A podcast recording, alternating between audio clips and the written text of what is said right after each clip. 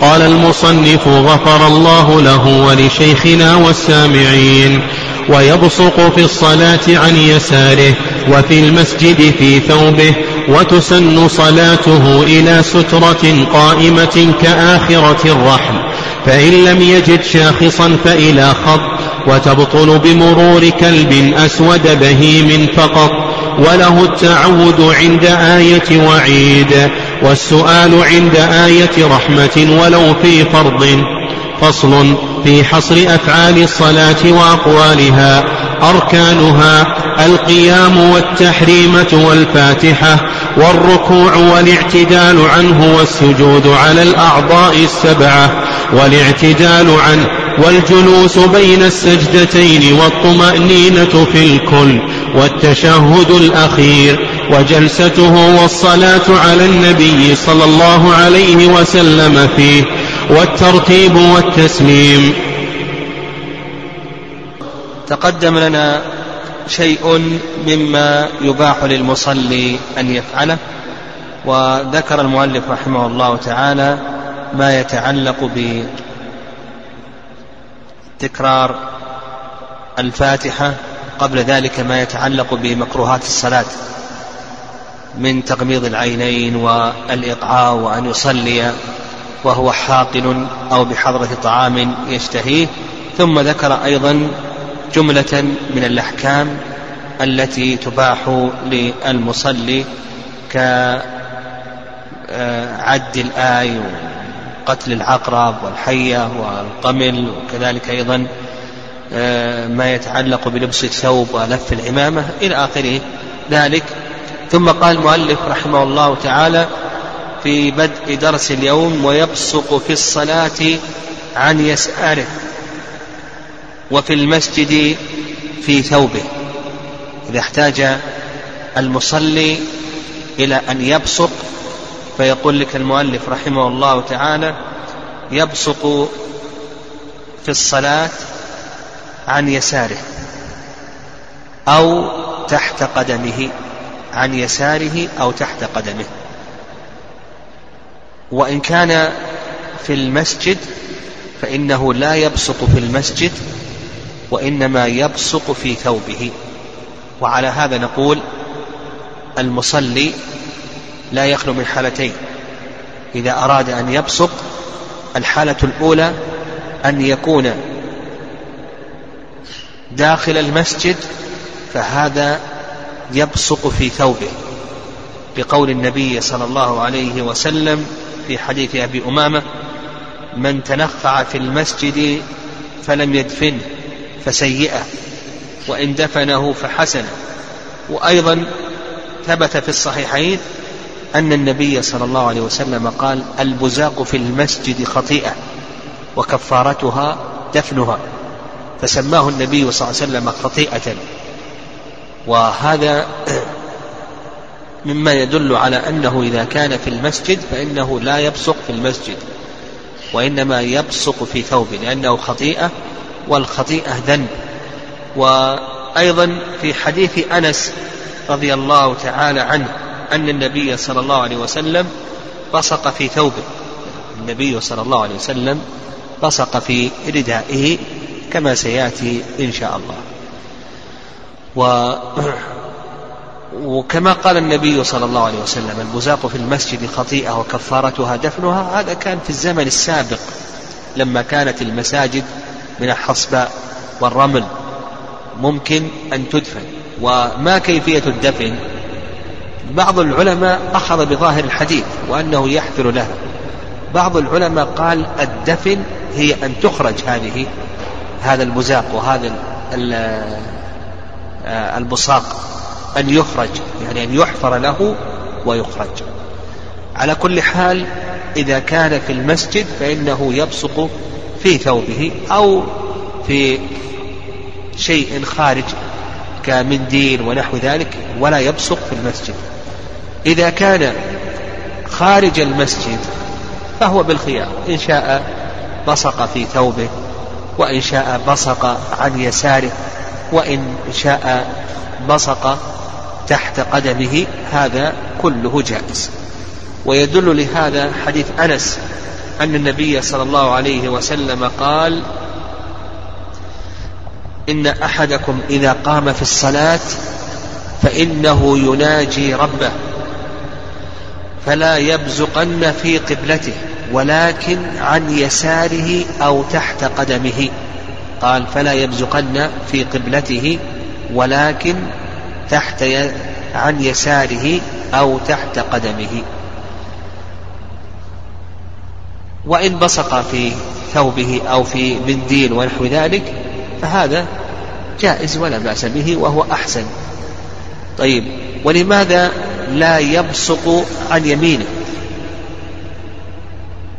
نقول لا يبصق عن يمينه لأن على يمينه ملكا. طيب وعلى يساره ملك. فأجاب العلماء رحمهم الله بأن الملك الذي عن اليمين أعلى رتبة من الملك الذي عن اليسار. ولأن القاعدة الشرعية قاعدة شرعية أن ما كان من المستخبثات فإنه تقدم فيه اليسار. وهنا فيه يعني تقدم اليد اليسار والرجل اليسار وهنا تقدم جهة اليسار فيما يتعلق بالمستخبثات على جهة اليمين. طيب فلا يبصق في قبلته ولكن يبصق. عن يمينه أو عن يساره أو تحت قدمه. طيب. هل النهي عن البصاق جهة القبلة هل هو خاص في الصلاة أو أنه يشمل الصلاة وغيرها؟ للعلماء رحمهم الله في ذلك رأيان. الرأي الأول وذهب إليه الإمام مالك رحمه الله إلى أن البصاق جهة القبلة هذا خاص في الصلاة. أما خارج الصلاة فإن هذا جائز ولا بأس به ويدل له ما تقدم من حديث أنس أن النبي صلى الله عليه وسلم قال إن أحدكم إذا قام في صلاته فإنما يناجي ربه أو ربه بينه وبين القبلة فلا يبزقن في قبلته. قال إن أحدكم إذا قام في صلاته.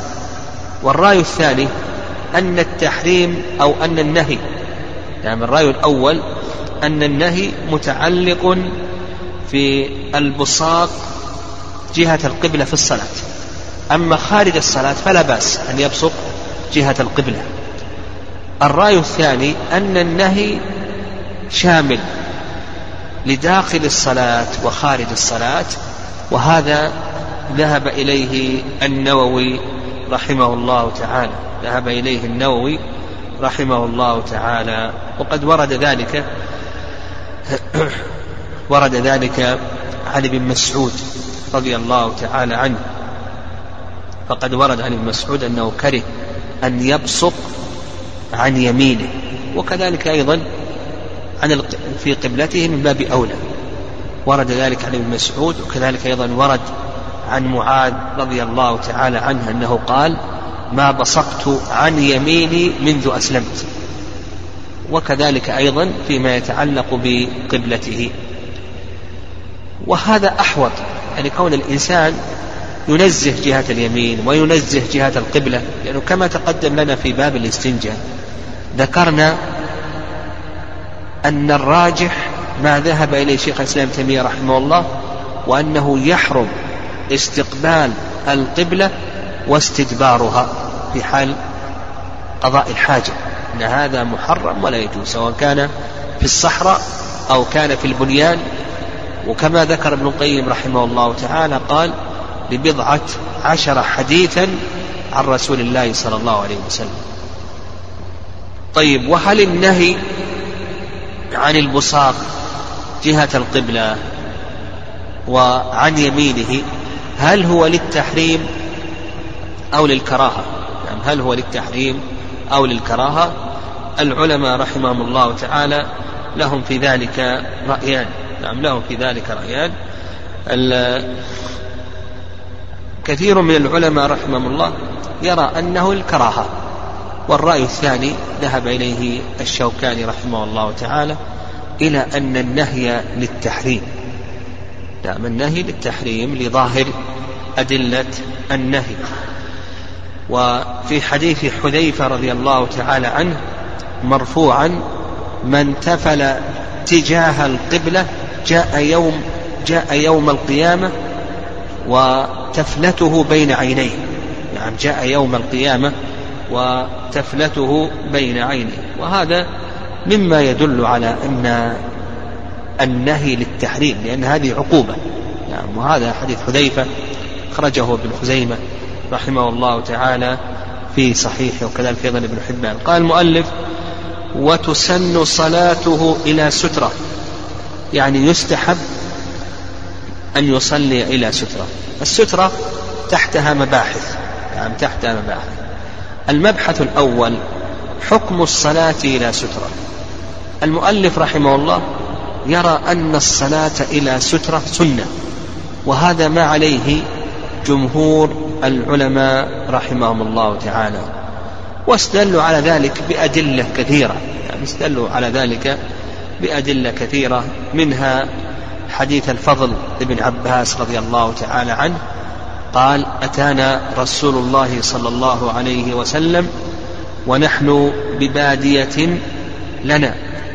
ومعه عباس فصلى إلى غير جدار أو نعم فصلى فصلى في الصحراء وليس بين يديه سترة قال فصلى في الصحراء وليس بين يديه سترة.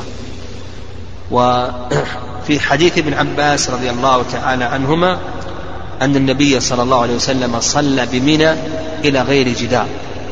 وكذلك أيضا استدلوا بحيث أبي سعيد في الصحيحين أن النبي صلى الله عليه وسلم قال إذا صلى أحدكم إلى شيء يستره من الناس.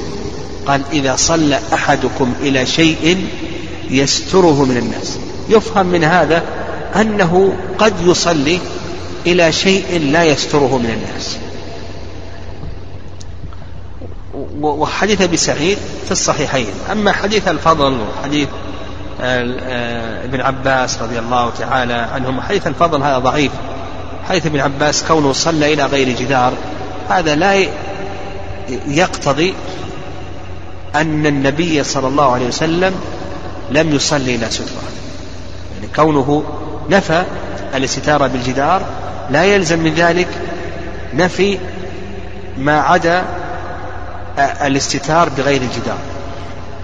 أما الذين قالوا بالوجوب كما ذهب إليه ابن خزيمة رحمه الله وكذلك أيضا أبو عوانة والشوكاني قالوا بأن الاستتار واجبة فأخذوا بظواهر الأمر كما في قول النبي صلى الله عليه وسلم إذا صلى أحدكم فليصل إلى سترة وليدن منها حيث بسعيد إذا صلى أحدكم فليصل إلى سترة وليدن منها وهذا أمر. والحديث في السنن. والأقرب نعم الأقرب في هذه المسألة وأيضا يعني يقول العلماء رحمهم الله يعني يقولون بأن الجمهور جمهور العلماء رحمهم الله تعالى يقولون بأن هذا من باب أدب الصلاة. يعني من باب أدب الصلاة كونك تصلي إلى سترة.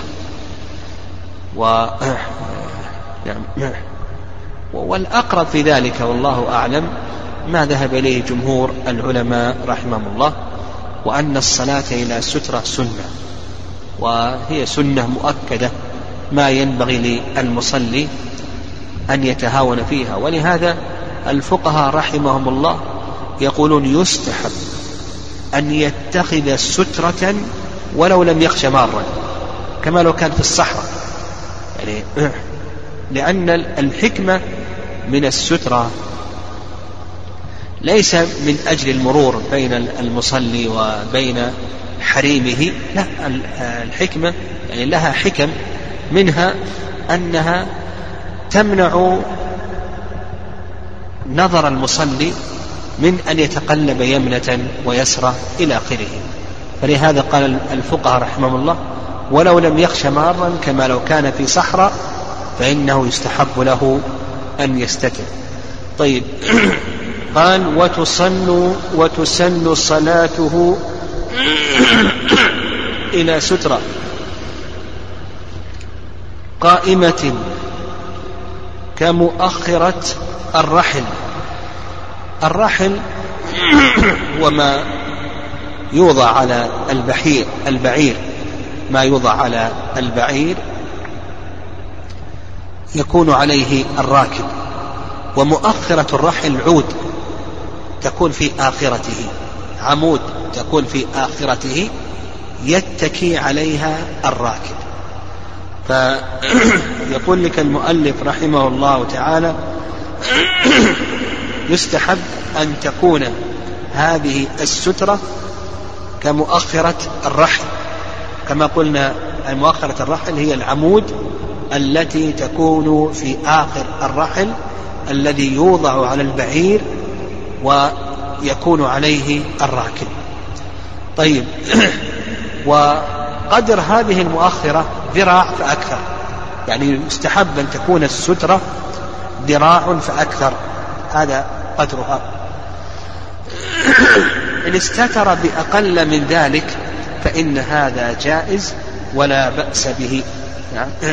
ويدل لذلك أن النبي صلى الله عليه وسلم استتر بالسرير واستتر بالنائم واستتر بالسارية والحصير والعنزة و نعم.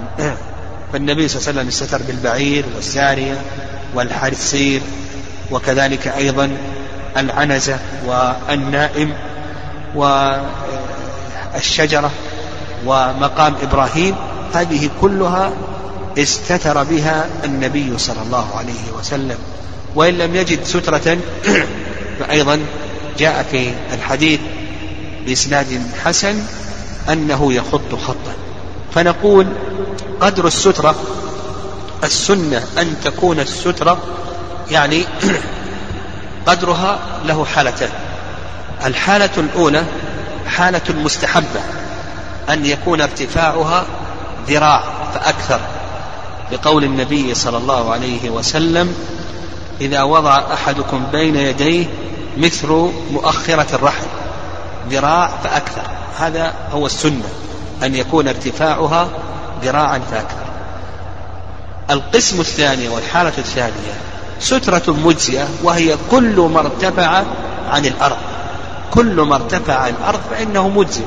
ولهذا ينص الفقهاء رحمهم الله كفقهاء الشافعية وغيرهم أنه لو وضع شيئا من الحصى أو شيئا من الرمل أو نحو ذلك فإنه مجزئ فنقول كل ما ارتفع عن الأرض فإنه يكفي سترة لكن السترة المستحبة أن تكون ذراعا مثل مؤخرة الرحل إلى آخره. قال المؤلف رحمه الله تعالى فإن لم يجد شاخصا فإلى خط. نعم إذا لم يجد شاخصا فإنه يخط خطا لقول النبي صلى الله عليه وسلم. نعم قول النبي عليه الصلاة والسلام في حديث أبي هريرة رضي الله تعالى عنه فإن لم يكن معه عصا فليخط خطا. وهذا الحديث نعم هذا الحديث رواه أحمد وأبو داود. آه، رحمهما الله. آه، وهل يكتفى باللون أو نقول بأنه لا يكتفى؟ يعني إذا كان في السجاد شيء من الألوان أو الخطوط هل نقول بأنها بأنه يكتفى بها في السترة أو نقول بأنه لا يكتفى بها؟ نقول مثل هذه الخطوط لا يكتفى بها لأن السترة كما ذكرنا أن أقل ما يجزئ من السترة أن تكون مرتفعة. أما مثل هذه الخطوط فإنها ليست مرتفعة فلا يكتفى بها. المبحث الثالث أو الرابع المتعلق بالسترة يستحب للمصلي أن يدنو من السترة. وضابط الدنو اختلف فيه العلماء رحمهم الله فقال بعض العلماء ضابط الدنو أن يكون بينك وبين السترة مقدار السجود بحيث إذا سجد وصل, وصل إلى سترته. يكون بينه وبين السترة مقدار السجود. وقال بعض العلماء يكون بينه وبين السترة مقدار ممر شاة. وقال بعض العلماء ثلاثة أدرع أدرع من قدمه والأمر في هذا سهل. والأقرب في ذلك الأقرب في ذلك أن يقال بأن يكون بينه وبين سترته مقدار السجود بحيث يكون منتهى سجوده إلى سترته.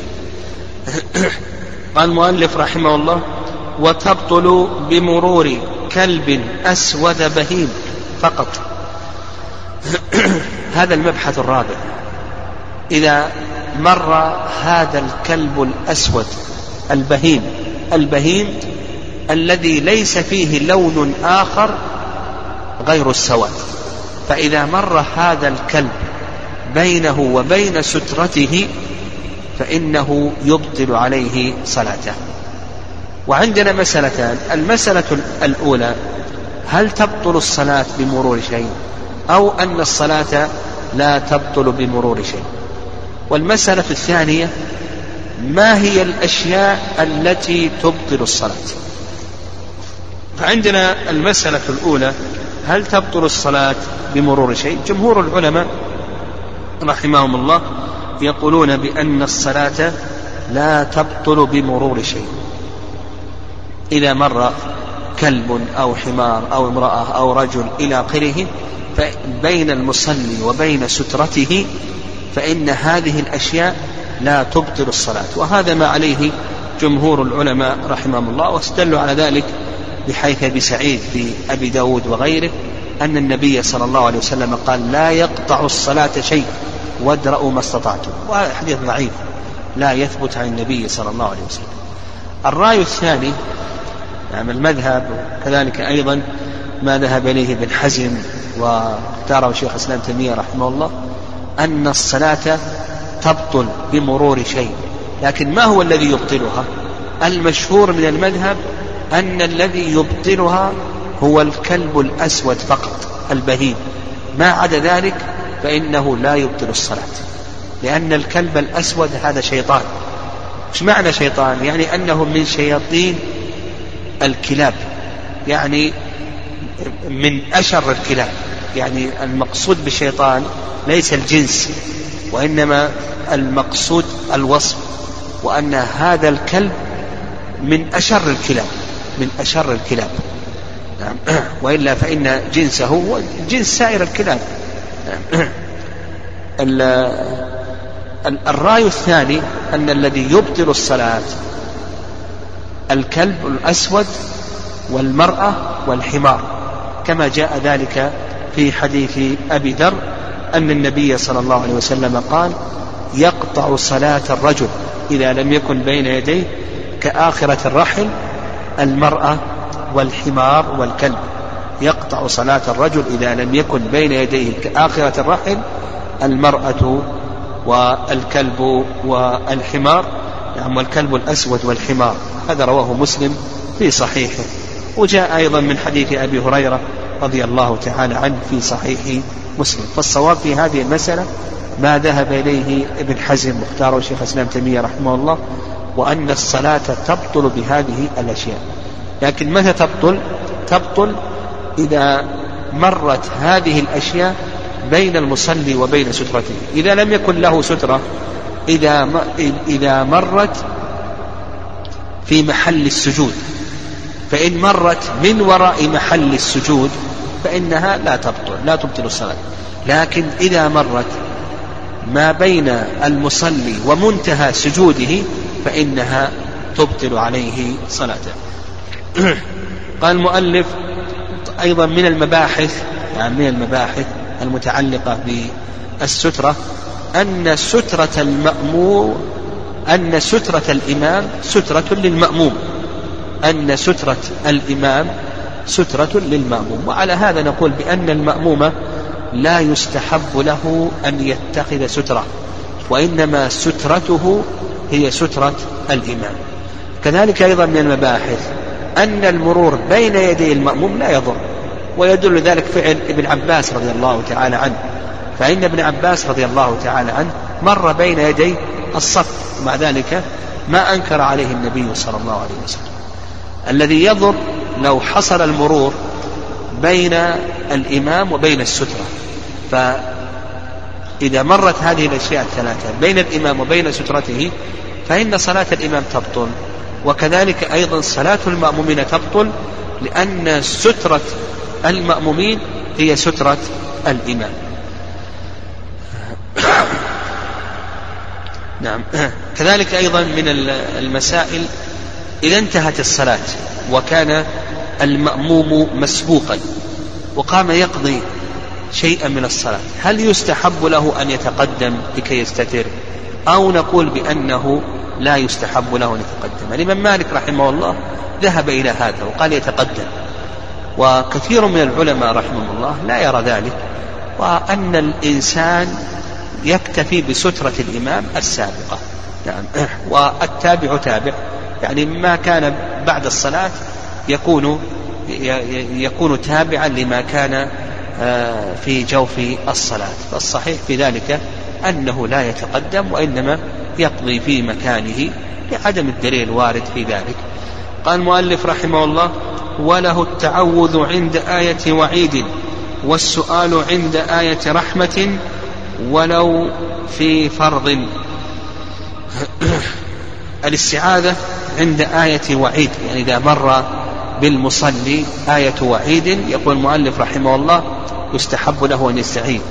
وإذا مر بآية استغفار استغفر. وإذا مر بآية وعد سأل الله عز وجل. ويدل لذلك حديث حذيفة لما قام يصلي مع النبي صلى الله عليه وسلم ذكر أن النبي عليه الصلاة والسلام كان يقرأ مترسلا.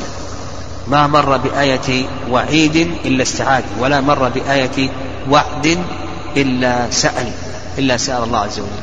وكلام المؤلف وله يدل ذلك على الإباحة نعم يدل ذلك على الإباحة.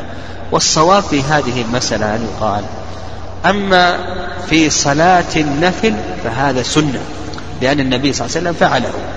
فنقول في صلاة النفل وخصوصا في قيام الليل إذا قام المسلم يصلي من الليل فإنه يستحب إذا قرأ أن يسأل الله عز وجل عند آية الوعد وأن يستعيذ عند آية الوعيد وأن يستغفر عند آية الاستغفار.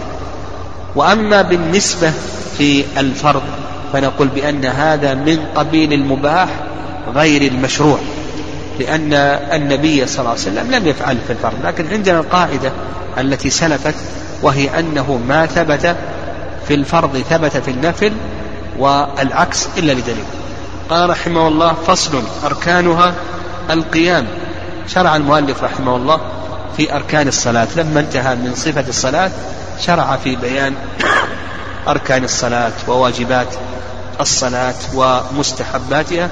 قال أركانها الصلاة. الأركان جمع ركن وهو جانب الشيء الأقوى. نعم جانب الشيء الأقوى وهو ما كان فيها ولا يسقط عمدا ولا سهوا. يعني الركن ما يسقط لا في العمد ولا في السهو. نعم. يقول المؤلف رحمه الله القيام هذا الركن الأول من أركان الصلاة القيام. والقيام ركن. نعم القيام ركن بالإجماع في الفرض.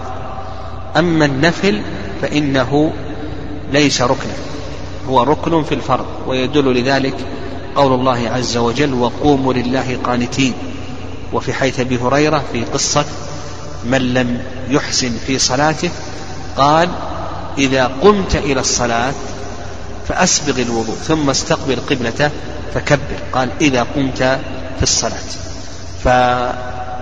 فالقيام ركن في الفرض. طيب في النفل ليس ركنا ويدل ذلك حيث عمران حديث عمران أن النبي صلى الله عليه وسلم قال صلاة القاعد على النصف من صلاة القائم. ويجب القيام حسب الاستطاعة. فإذا كان لا يتمكن من القيام إلا أن يعتمد على عصا أو أن يتكئ على جدار فاتقوا الله ما استطعتم. وما هو ضابط القيام؟ قال بعض العلماء ضابط القيام ما لم يصل إلى حد الركوع يعني ما لم يصل راكعا. والأقرب في ذلك أن يقال في ضابط القيام الأقرب في ذلك أن يقال أن يكون إلى القيام المعتدل أقرب منه إلى الركوع بحيث من رآه يقول بأنه قائم وليس راكعا. لأنه قد يقوم وينحني. فنقول ضابط في ذلك أن يكون إلى القيام المعتدل أقرب منه إلى الركوع. قال والتحريم. يعني تكبيرة تكبيرة الإحرام. وهذا هو الركن الثاني. هذا هو الركن الثاني. وهذا باتفاق الأئمة. بالاتفاق بالاتفاق أن تكبيرة الإحرام ركن. ويدل لذلك حديث علي في أبي داود وتحريمها التكبير. كما تقدم حديث من لم يحسن في صلاته أن النبي صلى الله عليه وسلم قال إذا قمت إلى الصلاة فأسبغ الوضوء ثم استقبل قبلته فكبر. قال والفاتحة. نعم هذا الركن الثالث قراءة الفاتحة. ويدل لذلك حيث عبادة في الصحيحين أن النبي صلى الله عليه وسلم قال لا صلاة لمن لم يقرأ بفاتحة الكتاب. لكن هل تجب الفاتحة؟ في كل ركعة أو لا تجب في كل ركعة. أكثر أهل العلم أن الفاتحة لا بد منها في كل ركعة. والرأي الثاني مذهب أبي حنيفة رحمه الله أن الفاتحة ركن في ركعتين. يعني أن الفاتحة ركن في ركعتين. ويستدلون بقول الله عز وجل فاقرأوا ما تيسر من القرآن. لكن نقول نعم أن الله سبحانه وتعالى أمر أن يقرأ ما تيسر من القرآن وبينته السنة. وأن النبي صلى الله عليه وسلم قال ثم افعل ذلك في صلاتك كلها. والصواب في هذه المسألة هو ما ذهب إليه جمهور العلماء وأن الفاتحة لا بد منها في كل ركعة. لحديث أبي هريرة قال أن النبي صلى الله عليه وسلم قال لمن لم يحسن في صلاته؟ قال ثم اقرأ ما تيسر معك من القرآن ثم قال ثم افعل ذلك في صلاتك كلها ثم افعل ذلك في صلاتك كلها. قال رحمه الله وسيأتينا إن شاء الله في باب آه، أحكام صلاة الجماعة أن الإمام هل يتحمل قراءة الفاتحة عن المأموم أو لا يتحملها إلى آخره؟ نعم. هذا سيأتي إن شاء الله. والحنفية كما ذكرنا يقولون بأن قراءة الفاتحة ركن في ركعتين فقط. قال والركوع وهذا بالإجماع. نعم. ويدل لذلك قول الله عز وجل يا أيها الذين آمنوا اركعوا مع الراكعين. نعم. الركوع بالإجماع وفي حيث أبي هريرة أيضا في قصة من لم يحسن في صلاته قال النبي عليه الصلاة والسلام ثم اركع حتى تطمئن راكعا. فالركوع بالإجماع. طيب وما هو ضابط الركوع؟ نعم ضابط الركوع أن يكون إلى الركوع المعتدل أقرب منه إلى القيام. يقول ضابط الركوع ضابط الركوع المجزي أن يكون إلى الركوع المعتدل أقرب منه إلى القيام. وسبق أن ذكرنا أن الركوع ينقسم إلى قسمين القسم الأول ركوع مجزئ والقسم الثاني ركوع كامل. وذكرنا أن الركوع الكامل هو ما اشتمل على المستحبات وذكرنا صفته فيما سلف. قال والإعتدال عنه. هذا أيضا ركن من أركان السجود الاعتدال عنه. وهذا ما عليه جمهور العلماء أن الاعتدال ركن ويدل لذلك حديث أبي هريرة في قصة الذي لم يحسن في صلاته قال النبي صلى الله عليه وسلم ثم ارفع حتى تعتدل قائما وفي لفظ حتى تطمئن حتى تطمئن قائما. وفي حديث أبي مسعود الأنصاري حديث أبي مسعود الأنصاري النبي صلى الله عليه وسلم قال لا تجزئ صلاة لا يقيم الرجل صلبه في الركوع والسجود. قال لا تجزئ صلاة لا يقيم الرجل صلبه فيها في الركوع والسجود. والرأي الثاني رأي الحنفية رحمهم الله. الحنفية يرون أن الاعتدال بعد الركوع سنة.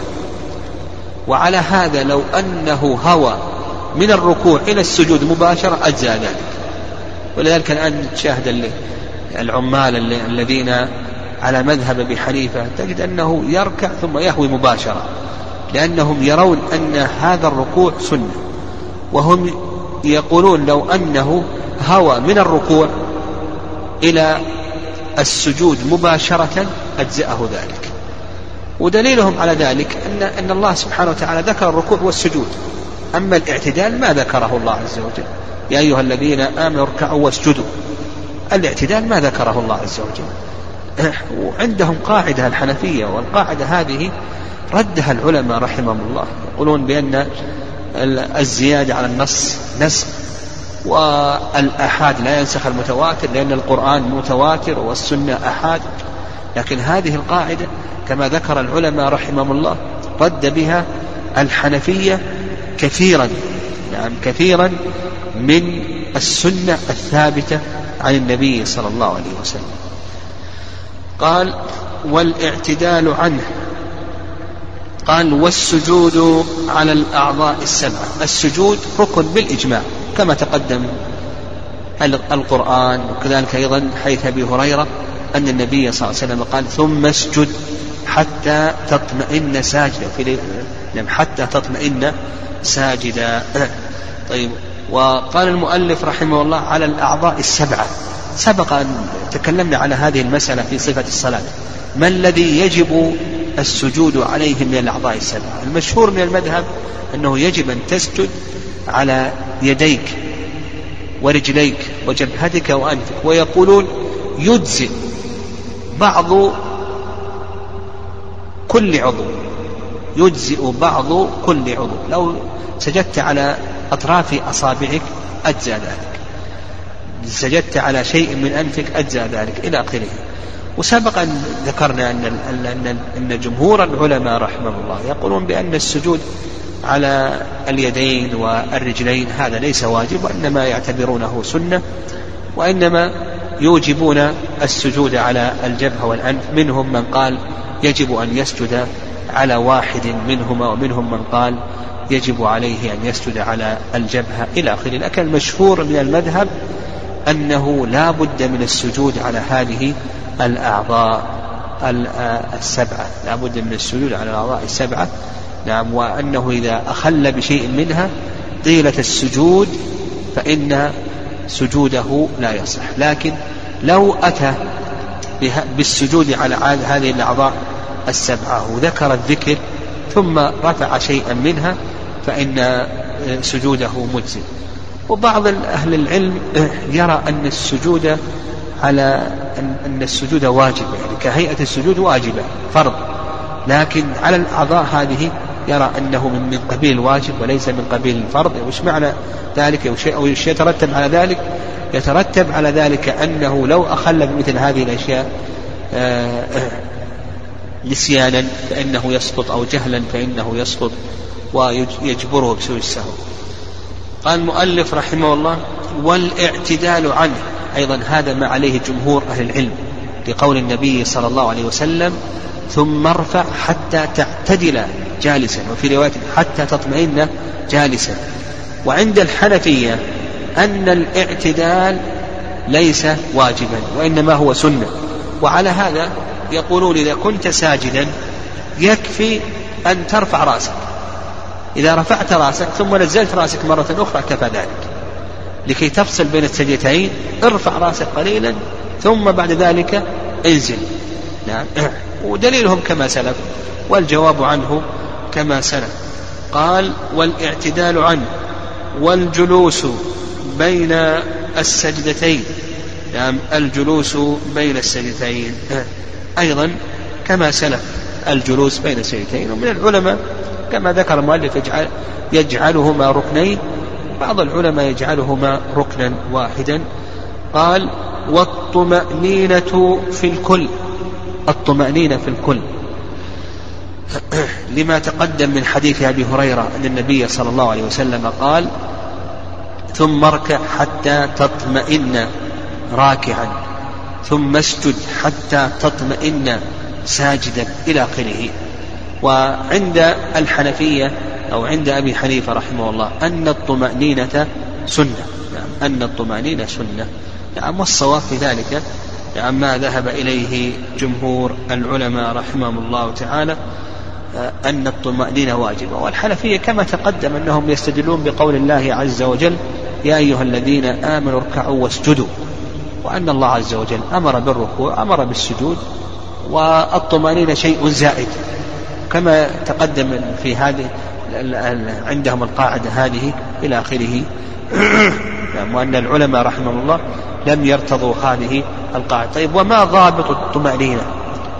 نعم ما ضابط. المشهور من المذهب أن ضابط الطمأنينة السكون وإن قل ضابط الطمأنينة السكون وإن قل والرأي الثاني في ضابط الطمأنينة أنها بقدر الذكر الواجب. أن الطمأنينة بقدر الذكر الواجب. وعلى هذا إذا ركعت لا بد أن تكون مطمئنا بقدر قول سبحان ربي العظيم. وإذا سجدت لا بد أن تكون مطمئنا بقدر قول سبحان ربي الأعلى وهذا القول هو الأقرب.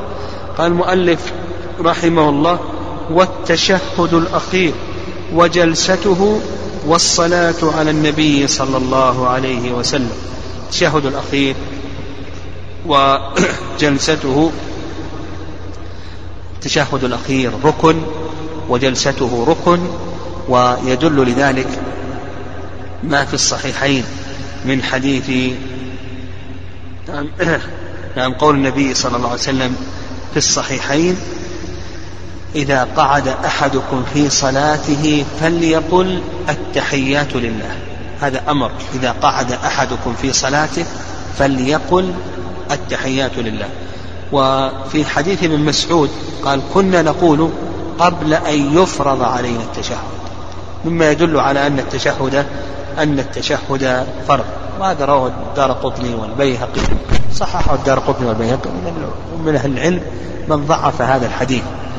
على كل حال عندنا ما في الصحيحين. فليقل التحيات. وهذا أمر. عند أبي حنيفة ومالك أن الفرض هو الجلوس. أما التشهد فليس فرضا. التشهد يقولون بأن التشهد هذا ليس فرضا وإنما هو سنة. ويستدلون على ذلك بأن النبي صلى الله عليه وسلم لم يذكر هذا التشهد في حيث أبي هريرة في من أخل بصلاته. لكن الجواب عن هذا سهل. نقول بأن النبي صلى الله عليه وسلم علمه الأشياء التي أخل بها في صلاته. فالصواب في ذلك أن الجلوس فرض وأن التشهد فرض. قال والصلاة على النبي صلى الله عليه وسلم. الصلاة على النبي عليه الصلاة والسلام هذا المذهب. المذهب أنها فرض ركن الصلاة عليه وسلم في التشهد الأخير. وعند أبي حنيفة ومالك أنها سنة وعند الشافعي أنها واجبة. الشافعي وسط يقول بأنها واجبة. وعند أبي حنيفة ومالك أنها سنة لأن أن النبي صلى الله عليه وسلم ما أمر بها. ما ثبت أن النبي صلى الله عليه وسلم أمر بالصلاة عليه. لكن الذي جاء الأمر الذي جاء أمر إرشاد. فإن الصحابة رضي الله تعالى عنهم سألوا النبي صلى الله عليه وسلم وأنهم علموا كيف يسلمون عليه فكيف يصلون عليه؟ فقال قولوا اللهم صل على محمد إلى آخره. فهذا أمر إرشاد وليس أمر وجوب. فالقول القول يعني بأنها سنة الصلاة هذا يظهر والله أعلم أنه أقرب. يعني أنه أقرب. وإن قلنا بأزيد من ذلك فإنه كما ذكر الشافعي أنها واجبة وليست فرضا. أما القول بأنها فرض كما يقول الحنابلة رحمهم الله فهذا فيه شيء من النظر. ويجزئ من ذلك أن يقول اللهم صل على محمد. يعني هم يقولون قدر الفرضية أن تقول اللهم صل على محمد. فلو أن الإنسان أتى بالتشهد ثم قال اللهم صل على محمد له أن ينصرف من صلاته. قال والترتيب يعني الترتيب بين أجزاء الصلاة. كما سلف أن ذكرنا قاعدة وهي أن كل عبادة مركبة من أجزاء لا بد فيها من أمرين الأمر الأول الترتيب بين أجزائها والأمر الثاني الموالاة وإلا لم تكن على وفق هدي النبي صلى الله عليه وسلم. قال والتسليم يعني التسليم. التسليم كما يقول المؤلف رحمه الله تعالى فرض يعني التسليم فرض. وهذا هو المشهور من مذهب الإمام أحمد رحمه الله.